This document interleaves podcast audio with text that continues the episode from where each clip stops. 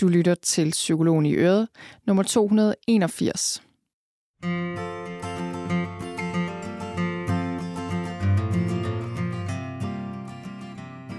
Velkommen til Psykologen i Øret.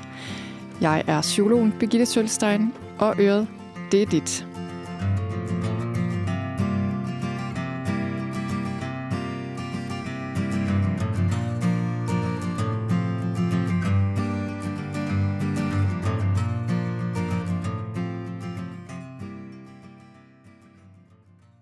Velkommen til, og velkommen til den regnby, der lige larmede i baggrunden. Jeg ved ikke, om du kunne høre den, men øh, her larmede det faktisk ret så meget. Men nu drev den over. Jeg havde ellers lige besluttet mig for at inddrage den her i episoden, og så øh, bruge den lige som sådan en lille pause, hvor vi alle sammen lige kunne sidde og trække vejret og vente på, at den drev over. Men øh, det lyder som om, at det gjorde den allerede nu. Men altså, velkommen til. Og øhm, ja, men jeg fik egentlig lyst til lige at indlede den her episode med bare sådan lige en lille stund, hvor vi alle sammen lige trækker vejret. Og lige finder ud af os selv, og finder ud af, hvor vi er, og lige, bare lige sådan, breathe in, breathe out, trækker vejret, puster ud.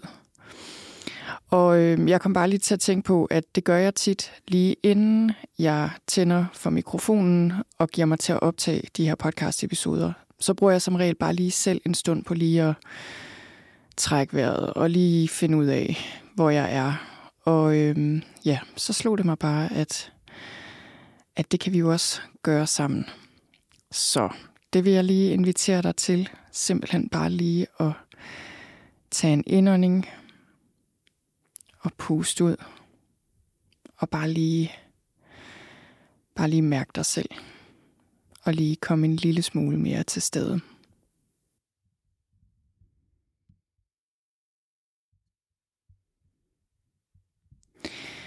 Nå, men altså, i dag skal det handle om stress, og det at være sygemeldt med stress. Og for et stykke tid siden, lige før sommerferien faktisk, der fik jeg en mail fra en af jer derude, som er sygemeldt med stress. Og øhm, en, som var og er måske endnu, det ved jeg ikke, men i hvert fald var ret så frustreret over, at det går for langsomt med at få det bedre. Og øh, den fik jeg lov til at dele med jer her, den mail, og jeg deler også svaret med jer her. Fordi da jeg læste den her mail, så tænkte jeg ved mig selv, at det her det var en rigtig god beskrivelse af, hvordan et stressforløb føles for mange alle stressforløb er selvfølgelig forskellige, og der findes ikke ligesom en måde, det skal føles på, eller en måde, det forløber på.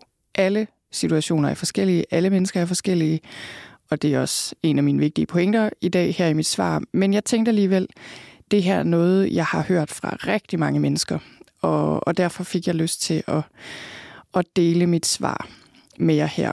Og jeg vil også sige til dig, at jeg har, jeg har skrevet det her svar – faktisk ned, som jeg har lagt som et blogindlæg inde på, øh, på noterne til den her episode på sølvstein.dk-280.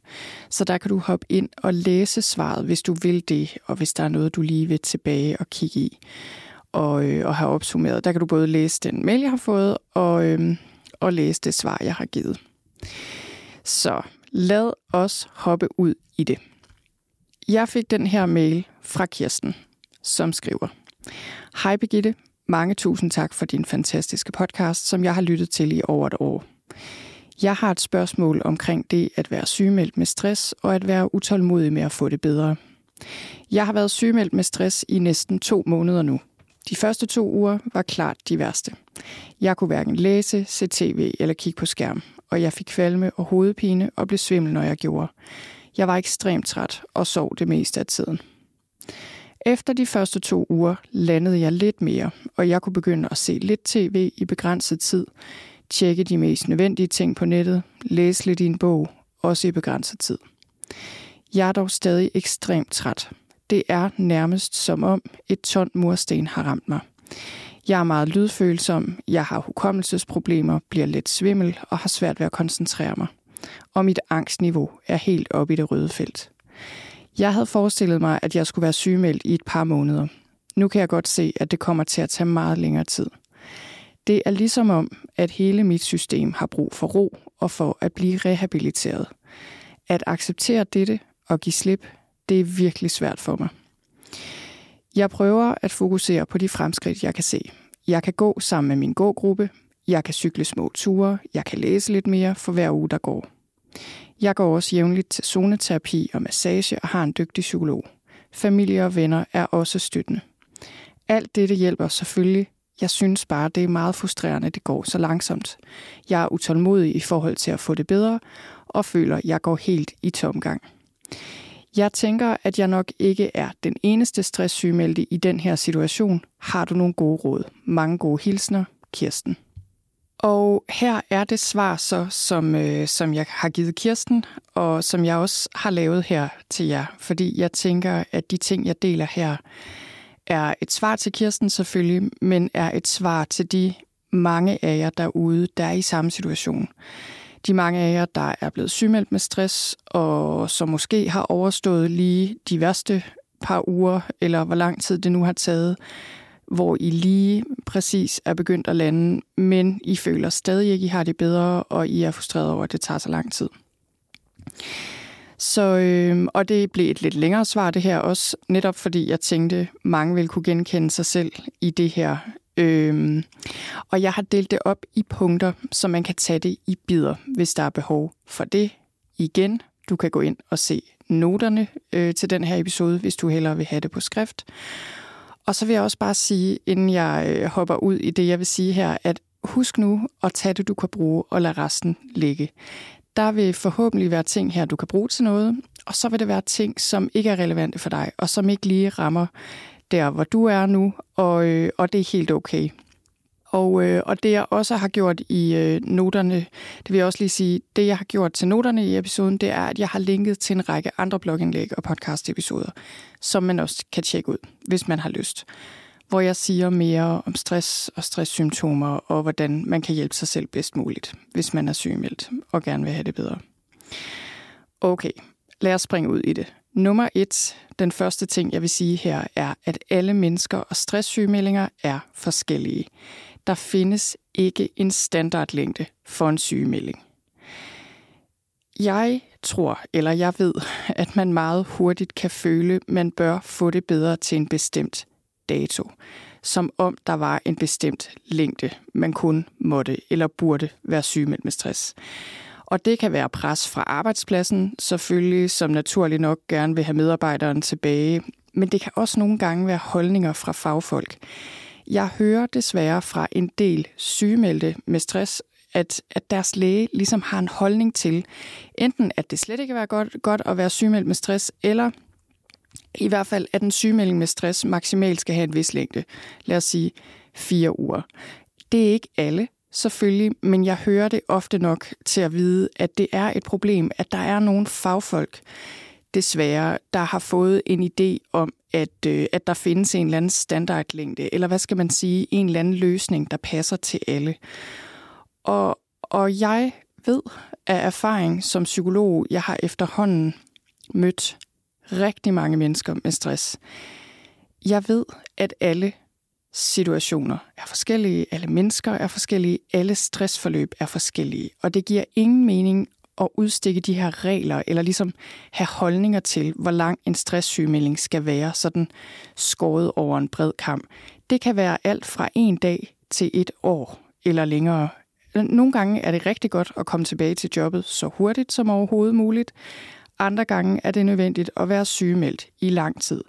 Det kommer an på rigtig mange ting. På arbejdspladsen, på den enkelte situation, hvor alvorlig grad af stress der er tale om. Alle mulige ting spiller ind. En anden ting, jeg også vil sige i forhold til det her med at føle, at man at det skal gå hurtigt. Altså jeg tænker, det er jo naturligt. Hvem vil ikke gerne bare have det bedre? Der er jo ikke nogen, der har lyst til at være ramt af stress. Så, så det er en naturlig ting. Men noget andet, der også kan spille ind, det er, at øh, de frister, der er i sygedagpengesystemet, altså hvis man har været sygemeldt i en vis mængde uger, så kommer kommunen ind over. Og så er der jo sygedagpengeloven, og der er nogle frister, der skal overholdes osv. jeg synes, det er rigtig godt lige at minde sig selv om, at det har noget med økonomi at gøre. Det har noget med sygedagpengeloven at gøre. Det har ikke noget at gøre med, hvor lang tid den enkelte reelt set har brug for at komme sig. Og det er jo ikke fordi, vi ikke bliver nødt til at tage hensyn til det system. Det er, som det er, og jeg tænker, det giver mening, at vi som samfund ikke bare har uanede mængder af ressourcer til at betale folk sygdagpenge. Men det er bare vigtigt, at man ikke forveksler de to ting.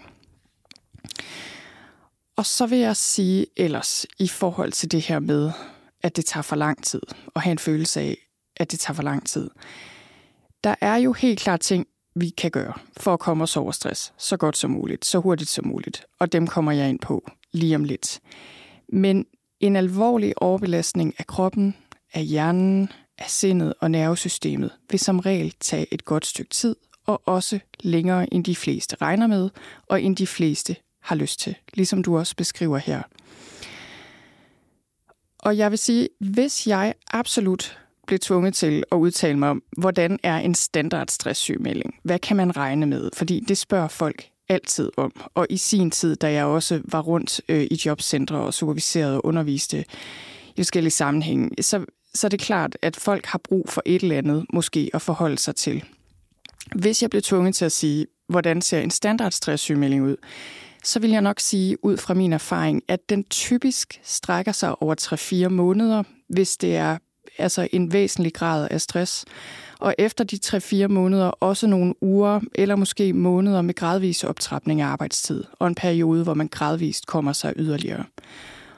Så det, det synes jeg er sådan en meget klassisk stresssygemelding. Igen, den kan være meget kortere, den kan være meget længere.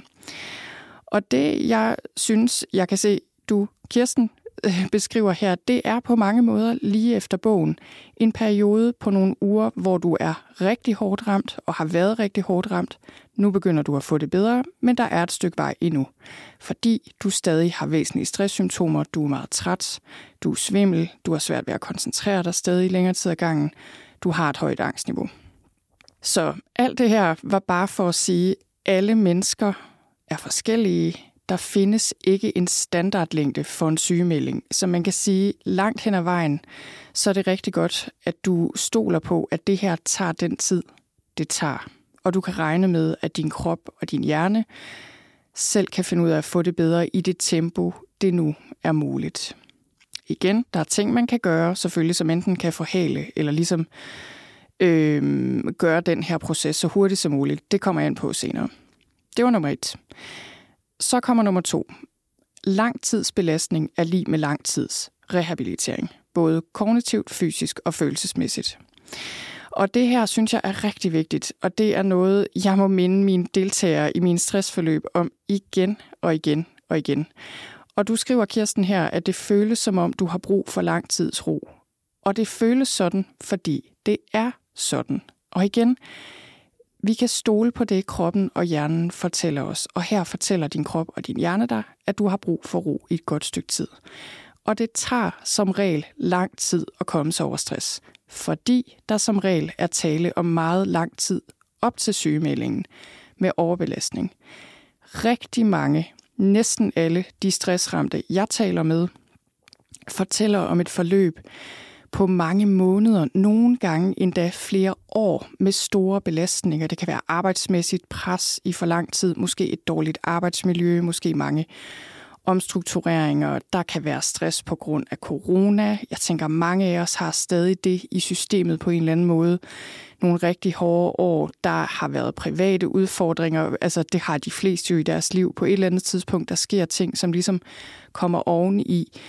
Og stresssymptomerne kommer gradvist over lang tid, men lige pludselig siger kroppen og hjernen fra, og så bliver vi sygemeldt med stress. Og det er jo bare logisk, at hvis vi har været under pres og har brugt enormt mange ressourcer i meget, meget lang tid, så slider det på systemet. En dag løber vi tør for ressourcer. Det kan føles som om stress kommer lige med et, men i virkeligheden er der tale om et langt forløb og lang tids overtræk, kan man sige på den energimæssige konto, på den psykologiske konto, og derfor tager det tid. Så jeg håber, at du kan minde dig selv om, at det er, det er på en måde urimeligt at forlange af kroppen og hjernen, at der bare lige sådan skal ske en bedring fra den ene dag til den anden, eller den ene uge til den anden, når alle ressourcer er brugt og har været det i lang tid. Og så øh, det, jeg også sagde her, det der med det kognitive og fysiske og følelsesmæssige, det vil jeg også lige nævne her, fordi noget mange overser i forbindelse med stress, det er, at det at komme sig over stress, det handler ikke bare om at slappe af. Der vil ofte være behov for følelsesmæssig rehabilitering, kunne man måske kalde det, altså ro til følelsesmæssig bearbejdning af nogle af alle de ting, der er sket, som måske har øh, givet anledning til stress, eller også bearbejdning af det forløb, der har været i forbindelse med en stresssygemelding. Fordi det vil som regel være voldsomt, det kan det i hvert fald være. Så der er et følelsesmæssigt aspekt af det her. Så er der den fysiske rehabilitering af kroppen og hjernen og nervesystemet. Så det handler selvfølgelig om hvile, men det handler også om at få god næring, genopbygge ressourcer, drikke vand nok, øh, få bevægelse, frisk luft, lys. Nogle af de her ting, der gør, at vi rehabiliterer rent fysisk. Og så er der den kognitive rehabilitering. Og den kognitive rehabilitering handler jo om at hvile hjernen. Det gør den blandt andet rigtig godt i naturen, men selvfølgelig også ved at få søvn nok, og at vi passer på ikke at overanstrenge vores kognitive ressourcer. Og så det her med, at vi gradvist genvinder evnen til koncentration og overblik. Men det skal vi helst gøre gradvist, så der skal vi ikke presse os selv. Det får vi ikke noget godt ud af. Og så en sidste ting faktisk også, som jeg får lyst til at nævne her, det er det der med genetablering af, af det sociale, af gode nære relationer. Det er også fuldstændig altafgørende for, øh, for vores stressniveau og vores trivsel i det hele taget. Og meget ofte, når vi har været stresset i lang tid, så har vores nære relationer også lidt overlast. Så det var nummer to, det her med langtidsbelastning er lige med langtidsrehabilitering. Og den her rehabilitering skal ske på flere planer. Så kommer vi til nummer tre. Det at komme ud af stress handler ikke blot om at fjerne stresssymptomer, men om at lære af dem. Det her er mega vigtigt. Og jeg, jeg tænker, jeg tænkte på, da jeg, øh, da jeg skrev det her svar til Kirsten, så tænkte jeg, øhm, jeg synes, det her var noget af det vigtigste, jeg selv lærte, da jeg selv var alvorligt ramt af stress for en del år siden nu. Jeg tror, det er 8-9 år siden. Det der med at gå fra bare at ville have det væk, til at det, det gik op for mig, okay, der er simpelthen nogle dybere ting her, jeg øh, har brug for, øh, eller er nødt til at lære, og er nødt til at ændre for at komme videre på en god måde, og, og for ligesom at sørge for, at jeg ikke bare bliver ved med at hænge fast i den her stress. Og det, jeg tror, det er meget normalt. I begyndelsen af en stresssygemelding, der kan man som regel ikke ret meget andet, øh, eller man, man kan ikke rigtig noget. Man må ligesom bare vente på, at man lander nogenlunde, og hjernen begynder at fungere nogenlunde igen. Ligesom Kirsten, du selv beskriver her, hvordan det kan være i de første uger. Så kommer der en periode som regel, hvor tiden også er en hjælp, og hvor man stille og roligt får det lidt bedre dag for dag. Og jeg tror bare de fleste selvfølgelig har det sådan i starten af en stresssygemelding, at man tænker, jeg skal fjerne mine stresssymptomer, de skal væk. Så skal jeg tilbage til den version af mig selv, som jeg var, før jeg fik stress, og så skal jeg videre i programmet. Tilbage til mit job, eller tilbage til at kunne det, jeg plejer i min familie, eller whatever. I hvert fald skal det bare ligesom fixes. Ligesom vi havde brækket en arm, og så skulle den have gips på, og så var den sat sammen, og så kunne den det, den kunne før. Og det tænker jeg jo bare er, er meget forståeligt. Og der er jo ingen tvivl om, at vi skal arbejde på at dæmpe vores stresssymptomer og fjerne dem. Men når vi er kommet et stykke vej i den proces, og ikke længere er akut stressramt, så er der overskud til at overveje, hvad vi kan lære af vores symptomer, og hvad vi kan lære af hele den her proces. Og min erfaring er altså bare, at ofte, hvis stress sådan for alvor trækker i langdrag, det, og igen, det er ikke det, jeg tænker egentlig sker for dig her, Kirsten, fordi du er ikke kommet så langt i din stresssygemelding endnu. Men, men, der, men der kommer et punkt, nogle gange har jeg set i forløb, hvor man ligesom, hvis man ikke er villig til lige at gå det spadestik dybere og begynde at lære af symptomerne og lytte til dem, jamen så bliver de der, fordi de, de er der af en årsag, og kroppen tænker, ved du hvad, du har brug for at lære det her, så jeg bliver her lige, indtil jeg er sikker på, at du har lært det. Hvad end det så er smerter, eller ondt i maven, eller svimmelhed, eller hjertebanken, eller hvad det nu er. Så, øh, så det her, det handler jo om at lytte til symptomerne, lære noget omkring, hvorfor endte vi egentlig med at blive overbelastet? Hvad kan vi selv gøre for at undgå det igen? Det er ikke, fordi det altid er vores skyld alene. Det er det jo aldrig nærmest, tænker jeg jo, fordi der er samfundsmæssige faktorer, og der er et arbejdsmiljø, og der er alle mulige ting, vi ikke har særlig meget kontrol over. Men det der med sådan lige at kigge lidt mere bag om stresssymptomerne og være villig til at lære noget nyt. Fordi hvis vi ikke er det, så kan vi komme til at hænge fast i en evig ond cirkel af en hel masse stress, så, øh, så finder vi en måde at håndtere det på med mindfulness eller, I don't know, øh, en god planlægningsmetode eller et eller andet, så kan vi lige håndtere det, og vi kan lige fungere.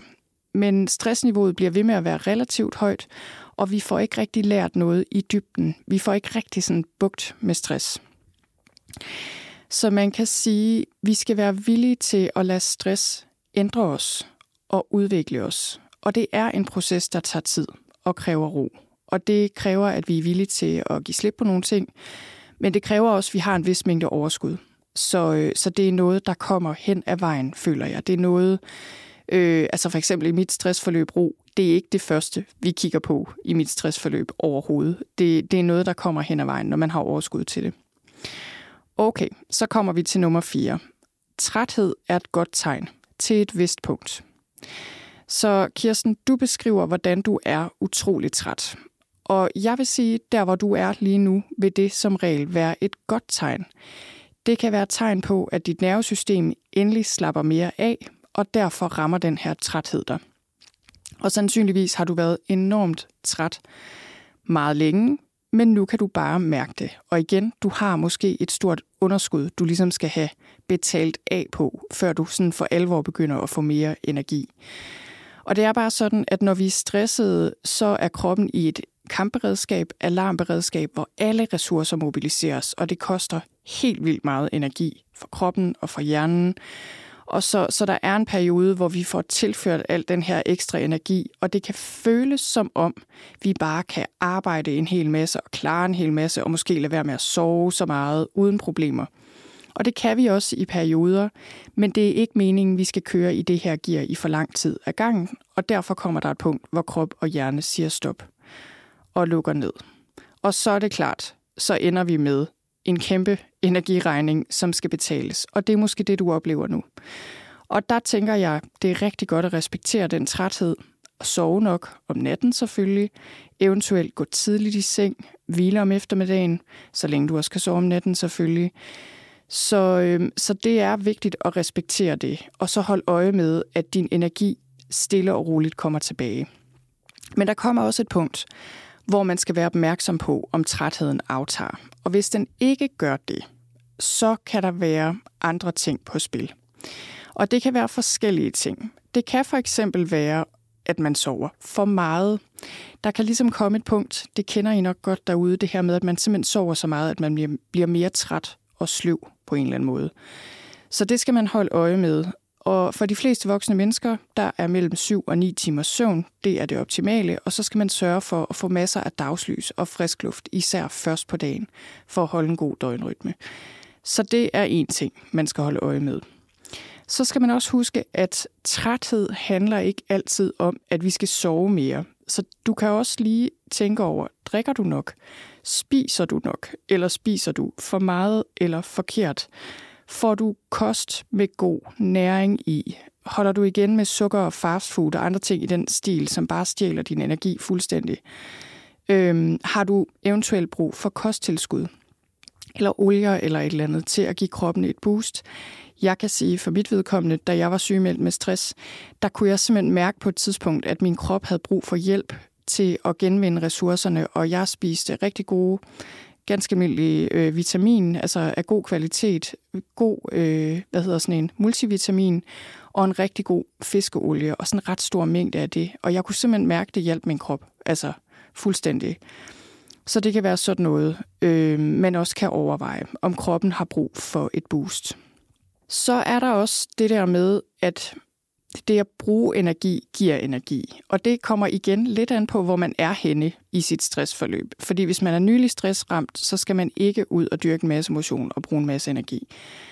Det er klart. Men der kommer et punkt, hvor det også er vigtigt at få kroppen i gang. Og det lyder det nu også som om, det, det lyder som om, du er i gang med gåture og cykelture. Men, men det der med at få moderat motion og bevæge sig nok, det er en rigtig, rigtig god idé. Og det er faktisk noget, der giver energi. Og noget, øh, jeg nogle gange anbefaler folk også, det er bare det der med simpelthen bare at få en daglig god tur på en halv time. Men det kan være, at man skal starte med mindre, hvis man er hårdt stressramt, og det kan også være, at den kan være lidt længere, hvis man kan mærke, at det passer til der, hvor ens krop er lige nu. Og så det sidste, jeg vil sige om træthed. Øh, fordi træthed, det er sådan en, altså det kan virkelig dække over mange ting, så man skal, man skal lige overveje det, hvis man er meget træt, og hvis det bliver ved hvad der er på spil. Det, jeg vil lige, lige vil sige her omkring det, det er, at træthed kan også være en psykologisk ting.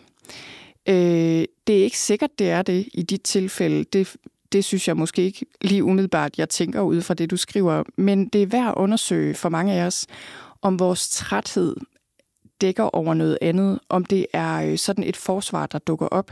For det kan det være for nogle af os, at pludselig bliver vi bare vildt trætte, fordi vi ikke overgår at tage stilling til noget, eller ikke tør at tage stilling til noget. Det kan være følelser af frygt, eller opgivenhed, eller vrede, eller bitterhed, eller andre ting, der sådan kommer ind over, men hvor vi har en fysiologisk reaktion øh, på det, der gør, at vi bare bliver enormt trætte.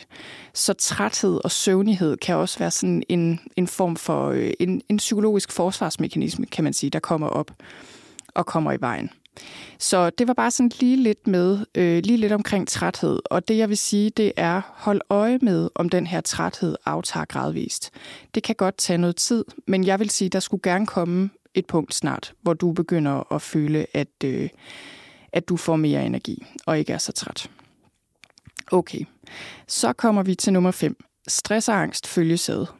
Dem først stress, tag dig angst efterfølgende. Og jeg vil bare lige nævne det her, fordi du skriver, Kirsten, at du oplever et højt angstniveau. Og også andre symptomer, som svimmelhed. Øh, svimmelhed kan nu også være et symptom på angst, men det kan også være det, kan, det er faktisk lidt ligesom træthed, svimmelhed. Det kan skyldes mange ting. Øhm, nå, og du, men du skriver også, at du er lysfølsom og sådan nogle ting. Så alt i alt er det tegn på, at dit stressniveau stadig er højt, som du også selv skriver. Og i begyndelsen af et stressforløb, der kan det være svært at skelne, hvad der er angst og hvad der er stress. Og det er sådan, at for de af os, der har tendens til angst, der stiger angsten, når vi er meget stressede. Øhm, det kan jeg selv skrive under på. Jeg har selv tendens til angst, og der er ingen tvivl om, at, øh, at angstniveauet det kan stige, når stressniveauet stiger. Men der er også mange mennesker, som ikke har tendens til angst overhovedet, men som oplever angst i forbindelse med stress. Uanset hvad, så øh, er min erfaring, at det bedste at gøre, det er i første omgang, når der er tale om akut stress, og man stadig er meget udmattet og har rigtig meget uro i kroppen øh, og udmattelse på grund af stress, så er det en god idé at koncentrere sig om stress øh, og arbejde på at nedbringe stress. Og så vil angstniveauet automatisk dale en del. Hvis der så stadig er angst tilbage, når du kan mærke, at dit stressniveau egentlig begynder at falde, så vil det være mere tydeligt for det første, og så kan du arbejde med det særskilt. Og det vil også være mere tydeligt, hvad det handler om. Så det kan for eksempel være, nu ved jeg ikke, om det her er relevant for dig, Kirsten, overhovedet, men nu siger jeg bare lige sådan generelt, hvad det kan handle om. Altså, man kan have angst i forbindelse med opstart på jobbet. Og det kan man jo især have, for eksempel hvis arbejdsmiljøet er utrygt, øh, men også hvis der er tale om arbejdsrelateret stress, fordi der er alt for mange arbejdsopgaver. Og det er sådan, at nervesystemet ligesom husker de steder og personer og arbejdsopgaver, der har medført overbelastning i første omgang. Så det vil sige, selvom du måske rationelt selv ikke er bekymret, så kan du opleve, at dit system reagerer stærkt på nogle arbejdsrelaterede ting, og det kan give dig angst. Så øh, kan angsten selvfølgelig også komme af gamle traumer og gammel angst, der vækkes til live, fordi du er blevet overbelastet af stress. Det synes jeg også, øh, man ser rimelig ofte, at gamle traumer dukker op til overfladen, når vi bliver akut belastet, når vi bliver stressramte, eller kommer, kommer ud i en eller anden krise. Og det, øh, det kan der være forskellige årsager til, men jeg tænker, det giver rigtig god mening, fordi når vi er ramt af stress, så har vi ikke ret mange følelsesmæssige ressourcer. Øh, og så vil nogle af de her ting komme op til overfladen, og nogle af dem vil være sværere at håndtere. Så det kan være, det er lidt ligesom, jeg, jeg kan godt nogle gange se det lidt ligesom et låg, der ryger af, hvor vi normalt har rimelig meget kognitiv kontrol og rimelig mange følelsesmæssige ressourcer, der gør, at vi kan holde det her låg på, på en eller anden måde. Men det, øh, det låg ryger så nogle gange af, når vi bliver stresset og ramt på den måde. Så det er også en grund til, at angst kan blive stærkere, når vi er ramt af stress. En anden grund til, at angst kan blive stærk, når vi er ramt af stress, det er selvfølgelig, at pludselig kan vi have masser af frygt omkring fremtiden. Hvad med økonomien? Hvad med mit job? Måske også hvad med min øh, identitet, øh, min jobmæssige identitet? Alle mulige spekulationer kan naturligt nok eskalere og give angst, og endda angstanfald. Og, og det er værd at være opmærksom på. Det er selvfølgelig nemmere sagt end gjort at styre de her tanker, men det er virkelig noget, der er værd at være opmærksom på og værd at arbejde med.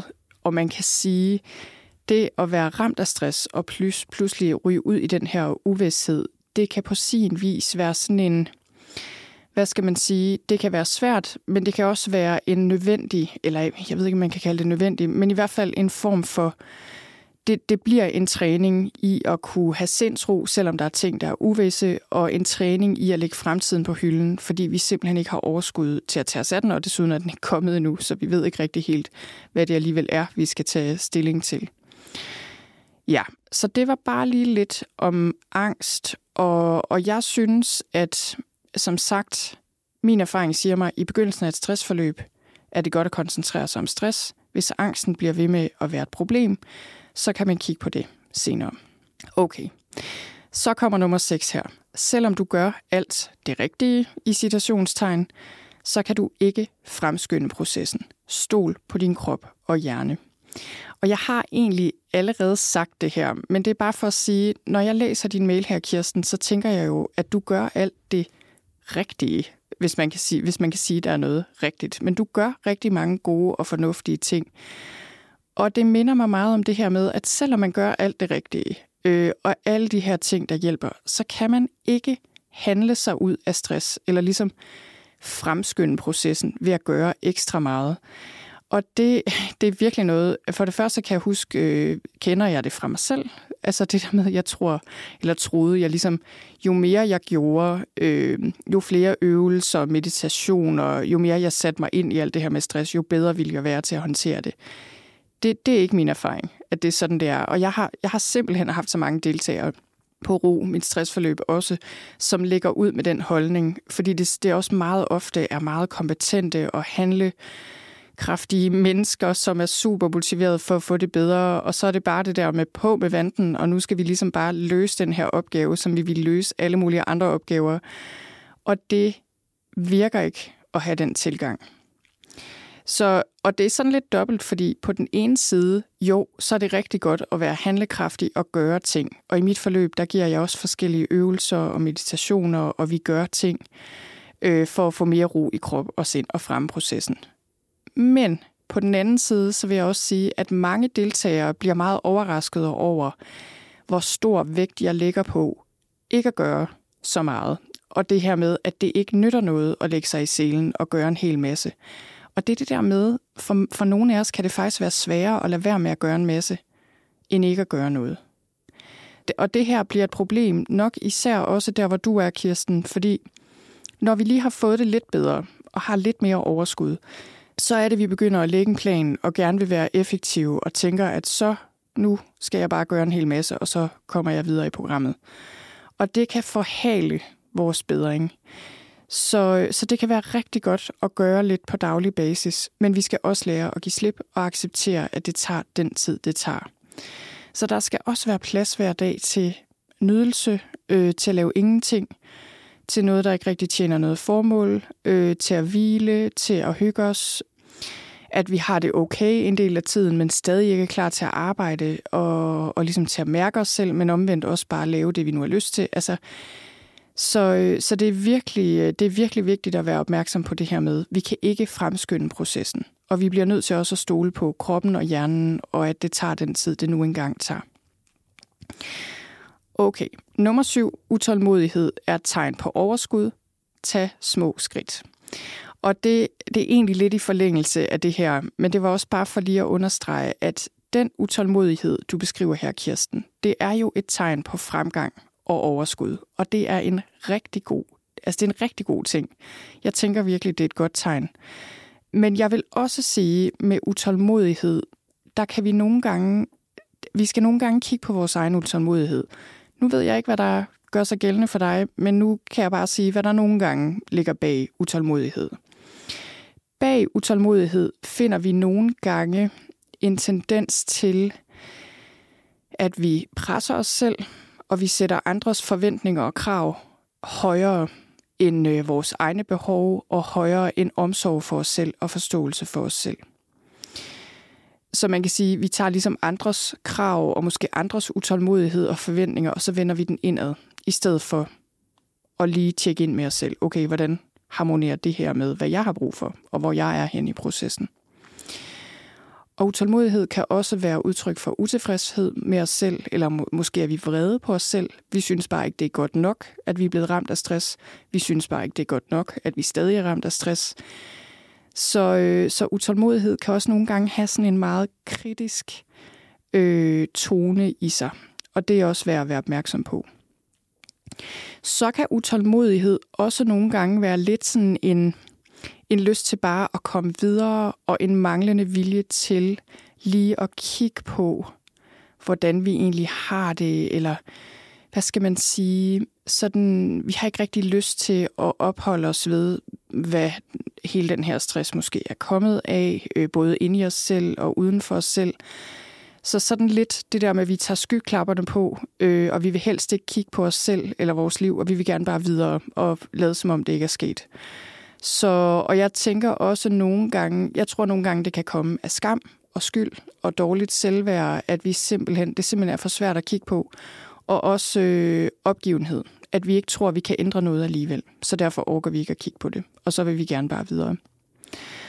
Og jeg tror også, utålmodighed kan skygge over, eller ligesom være et udtryk for frygt for, hvad der skal ske i fremtiden, hvis vi ikke får det bedre. Altså det er ligesom, vi kan slet ikke overskue tanken om, at vi ikke får det bedre, fordi så er vi bange for, hvad der sker. Og så er det ligesom, vi hænger fast i den her, så bliver vi utålmodige, vi vil gerne bare videre, men så hænger vi også fast i den her frygt, som så kommer til at styre vores valg og vores tanker fra dag til dag. Og så er det rigtig svært at finde ro her og nu. Ja, og jeg, altså, jeg tænker faktisk, der kan siges meget godt om at komme os langsomt over stress at det, det synes jeg bare, fordi af forskellige årsager, jeg synes, vi fortjener det. Øh, alle fortjener at komme sig langsomt over stress. Det giver os mulighed for at lære det, vi har brug for at lære, øh, og få overblik over situationen, ligesom at finde ud af, hvad er der op, hvad er op og hvad er ned i den her situation. Men det gør også, at, vi, at det ikke går for hurtigt, at vi ikke får for meget overskud på én gang. Og det kan lyde meget mærkeligt, men det her med at få mere overskud og energi, det er faktisk tit det, der fastholder os i stress. Fordi vi så skynder os at bruge den til at presse os selv, eller til at arbejde for meget igen, eller hvad nu, i stedet for at give det tid og tage små skridt og vente med at gøre alt for meget. Så det var, det var nummer syv, det her med, at utålmodighed er et tegn på, øh, på overskud, men tag tilpas små skridt. Så kommer det sidste punkt, jeg har her, nummer 8, hvor jeg vil give dig tre vigtige ting, du kan gøre for at få mere ro og overskud. Og jeg vil sige til dig, Kirsten, det er ikke sikkert, du skal gøre mere, end du allerede gør, for stille og roligt at komme der.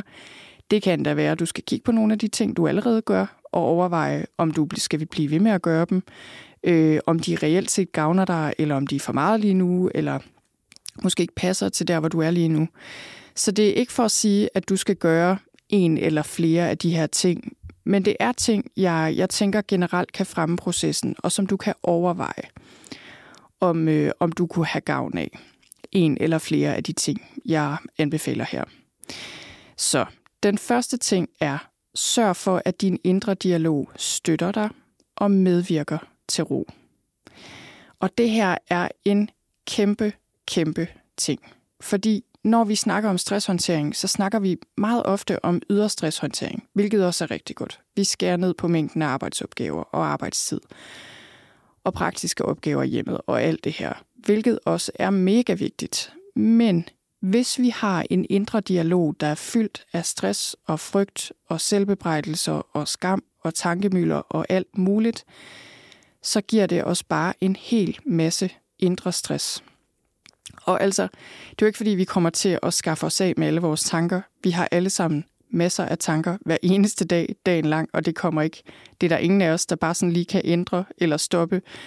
Men det vi kan gøre, det er at være lidt mere opmærksomme på vores indre dialog. Og vi kan sørge for at prøve at ændre den i en retning, der giver os lidt mere ro. Og det, der især er vigtigt, det er, at vi arbejder på at ændre vores indre dialog til at være lidt mere mild og venlig og opbakkende, i stedet for hele tiden at kritisere os selv eller stresse os selv. Og det kan man gøre på forskellige måder. Øh, der, er sådan, der er flere måder at gå til det her på. Jeg vil sige, overordnet set i forhold til at blive i, i det hele taget blive bevidst om den indre dialog, fordi det er vi ikke alle sammen. Vi tror bare, at det er os og de her tanker, der flyver rundt, de bare er sandheden, og ligesom øh, vi øh, vi er så opslugt af dem, at vi ikke rigtig kan se dem. Sådan lidt ligesom, man kan ikke se skoven for bare træer. Så det der med lige overhovedet at kunne se, at vi har en indre dialog, der bare kører. En af de ting, øh, der hjælper rigtig meget, synes jeg, er meditation. Det er noget, jeg har talt meget om øh, her på podcasten. Det er også noget, jeg arbejder med. Og øh, så meditation er rigtig godt. Jeg synes også, det at skrive dagbog, ligesom bare at skrive vores tanker ned, i hvert fald for nogle af os, er noget af det, der kan give noget mere klarhed, og ligesom gøre, at vi lige får, får det ned på papir og ser, okay, det er så det her, der foregår i mit sind. Så det er sådan lidt mere overordnet. Men ellers, en af de ting, jeg plejer at anbefale, det er, at du lægger mærke til, hvad der foregår i dine tanker, lige når du vågner. Simpelthen, lige når du åbner øjnene, måske inden du har åbnet øjnene, men når du vågner. For mange af os er faktisk grebet af stress allerede der, om alt det, vi skal nå, eller alle de problemer, vi har, eller hvad det nu er, altså inden vi overhovedet har taget dynen af og stået ud af sengen. Og jeg kender det fra mig selv, det her, så det er også derfor, jeg ved, at det her er et issue. Og jeg ved, hvor meget det betyder, at vi får ændret det, lige præcis det tidspunkt på dagen. Så øh, det her er en, en hel ting, vi arbejder med i ro. Der arbejder vi med det, vi kalder morgenro, som blandt andet kan handle om, hvad vi tænker lige, når vi slår øjnene op eller vågner. Men, men det, jeg kan anbefale, det er, at du simpelthen bliver bevidst om den her stund, siger ordentligt godmorgen til dig selv, træk vejret og sig til dig selv, for eksempel, det er okay at tage det med ro, eller hvad der, hvad der nu giver mening for dig. Men altså virkelig blive, blive bevidst om den her aller, aller, aller første stund på dagen. En anden ting, du kan gøre for at få en mere mild og, og venlig indre dialog, der hjælper dig og nedbringer stress, det er, når du oplever stresssymptomer i løbet af dagen. Det kan være, at dit hjertebanker, det kan være, at du bliver øh, nervøs for et eller andet, det kan være, at du bliver svimmel, hvad det nu er så vent dig lige til øh, for eksempel at lægge hånden på hjertet. Det kan også være på maven eller et eller andet andet sted på kroppen. Altså en eller anden gestus, øh, der sådan signalerer, at du bakker dig selv op og er der for dig selv. Og så sig til dig selv for eksempel, det er okay, eller jeg er her, eller et eller andet, der igen viser, at du er der for dig selv, accepterer dig selv, selvom du har stresssymptomer. Og det her, det er simpelthen så vigtigt, fordi det her med selvomsorg og det at bakke os op, når vi oplever stress, det, mange af os misforstår det, og så bliver vi optaget af at fjerne stress, i stedet for at lære at være der for os selv, mens vi oplever stress. Det er en kæmpe ting, det her. Og det er jo det, der, det, der er det så paradoxale ved det, det er jo, at det hjælper, og så nedbringer det stress. Men intentionen er egentlig ikke at nedbringe stress. Intentionen er egentlig at, at lade din indre dialog øh, være mere øh, omsorgsfuld og nærværende, og ligesom at du bakker dig selv op og er der, er der for dig selv, når du oplever stress. Og så den sidste anbefaling, jeg har i forhold til det her med at ændre den indre dialog, det er ved dagens afslutning. Der kan du vende dig til at, øh, at også lige blive lidt mere bevidst om, hvad der foregår i dit sind. Så i stedet for at tænke på, alt muligt, du skal i morgen, eller tænke på alt det, du ikke gjorde godt nok, øh, eller alt det, du ikke nåede i dag, eller hvad nu, så kan du vente dig til øh, lige at bruge en stund på at sætte pris på dig selv, sætte pris på det, du har nået. Øhm, jeg har lavet en aftenpraksis på et tidspunkt, som man kan lytte til på øh, ganske gratis på podcasten. Den har jeg linket til ind i noterne, hvor man simpelthen lige bruger en tid på at værdsætte sig selv og få en god afslut, afslutning på dagen. Øh, uanset hvordan den har været.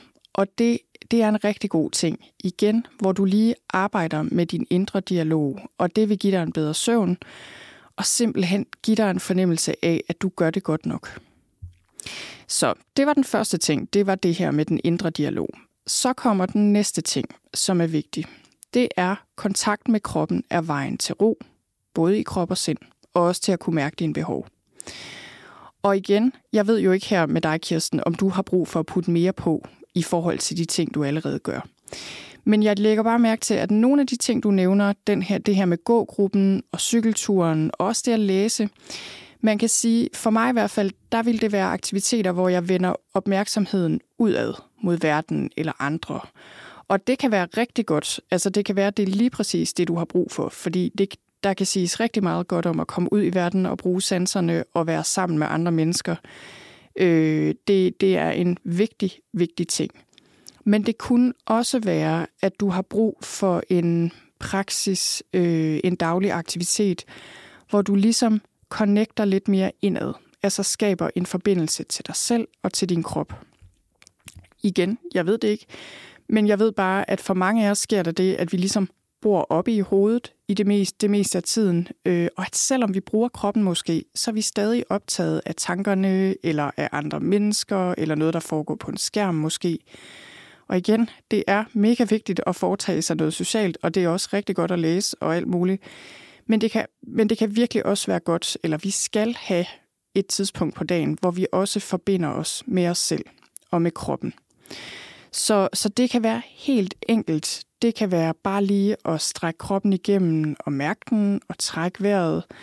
Det kan være at gå med bare tæer i haven, som jeg godt kan lide. Igen lige at trække vejret og lige mærke kroppen. Det kan være en kort yoga praksis eller qigong praksis. Det kan også være meditation måske. Øhm, det kan være en god tur i naturen alene. Det kan være at skrive i din dagbog, hvor du lige skriver lidt om, hvordan du har det og hvordan kroppen føles. Altså, der kan være forskellige veje ind i det her. Men i det hele taget, så pointen med det her er bare, at når vi er ramt af stress, så kan det være den her følelse af, at vi er ude af os selv. Altså, at sindet er ude af kroppen nærmest. Og der har vi altså brug for at gøre noget, der giver os den her fornemmelse af at komme tilbage til os selv. Ja, så det var nummer to, det her med kontakt med kroppen.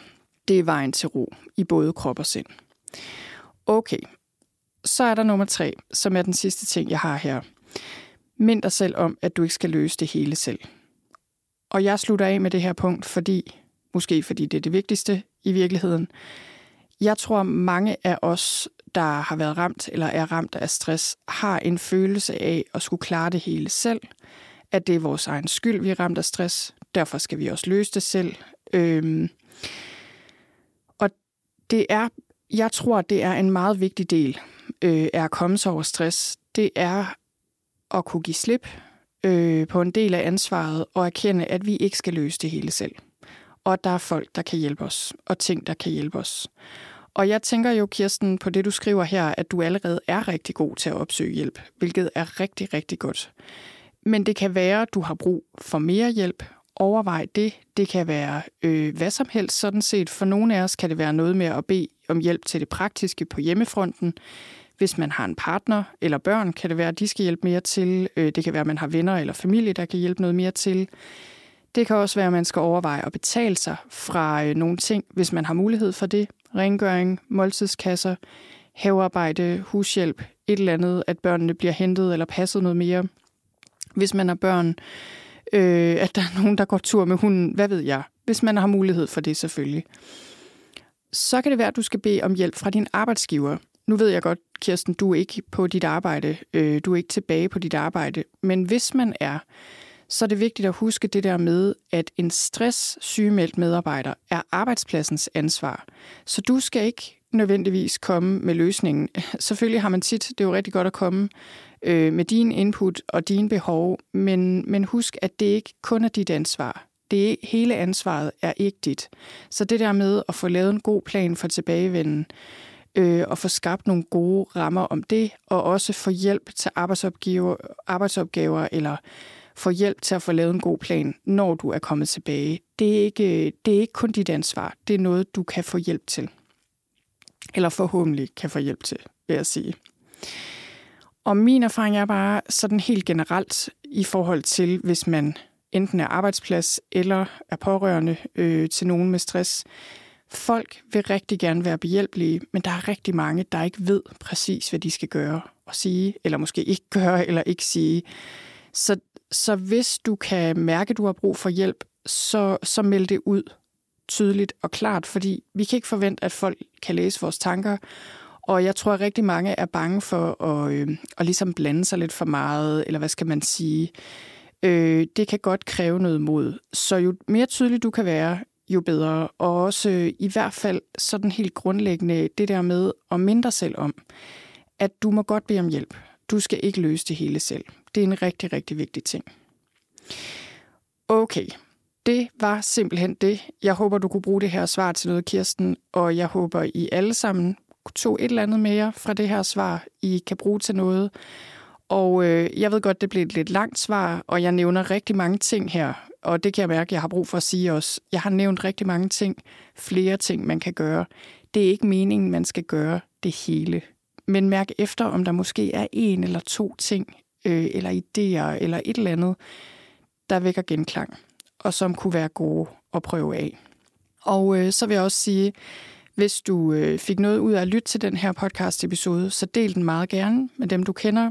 Send den til nogen på en mail eller en sms, eller hvis du kender en, der er stresssygemeldt, eller en kollega, eller en kusine, eller et eller andet, du tænker kunne have gavn af at lytte til den, så bliver jeg så glad, når I deler de her podcast-episoder. Det tager jeg som en kæmpe kompliment. Og så vil jeg ellers bare sige tak for nu, og tak fordi du lyttede med.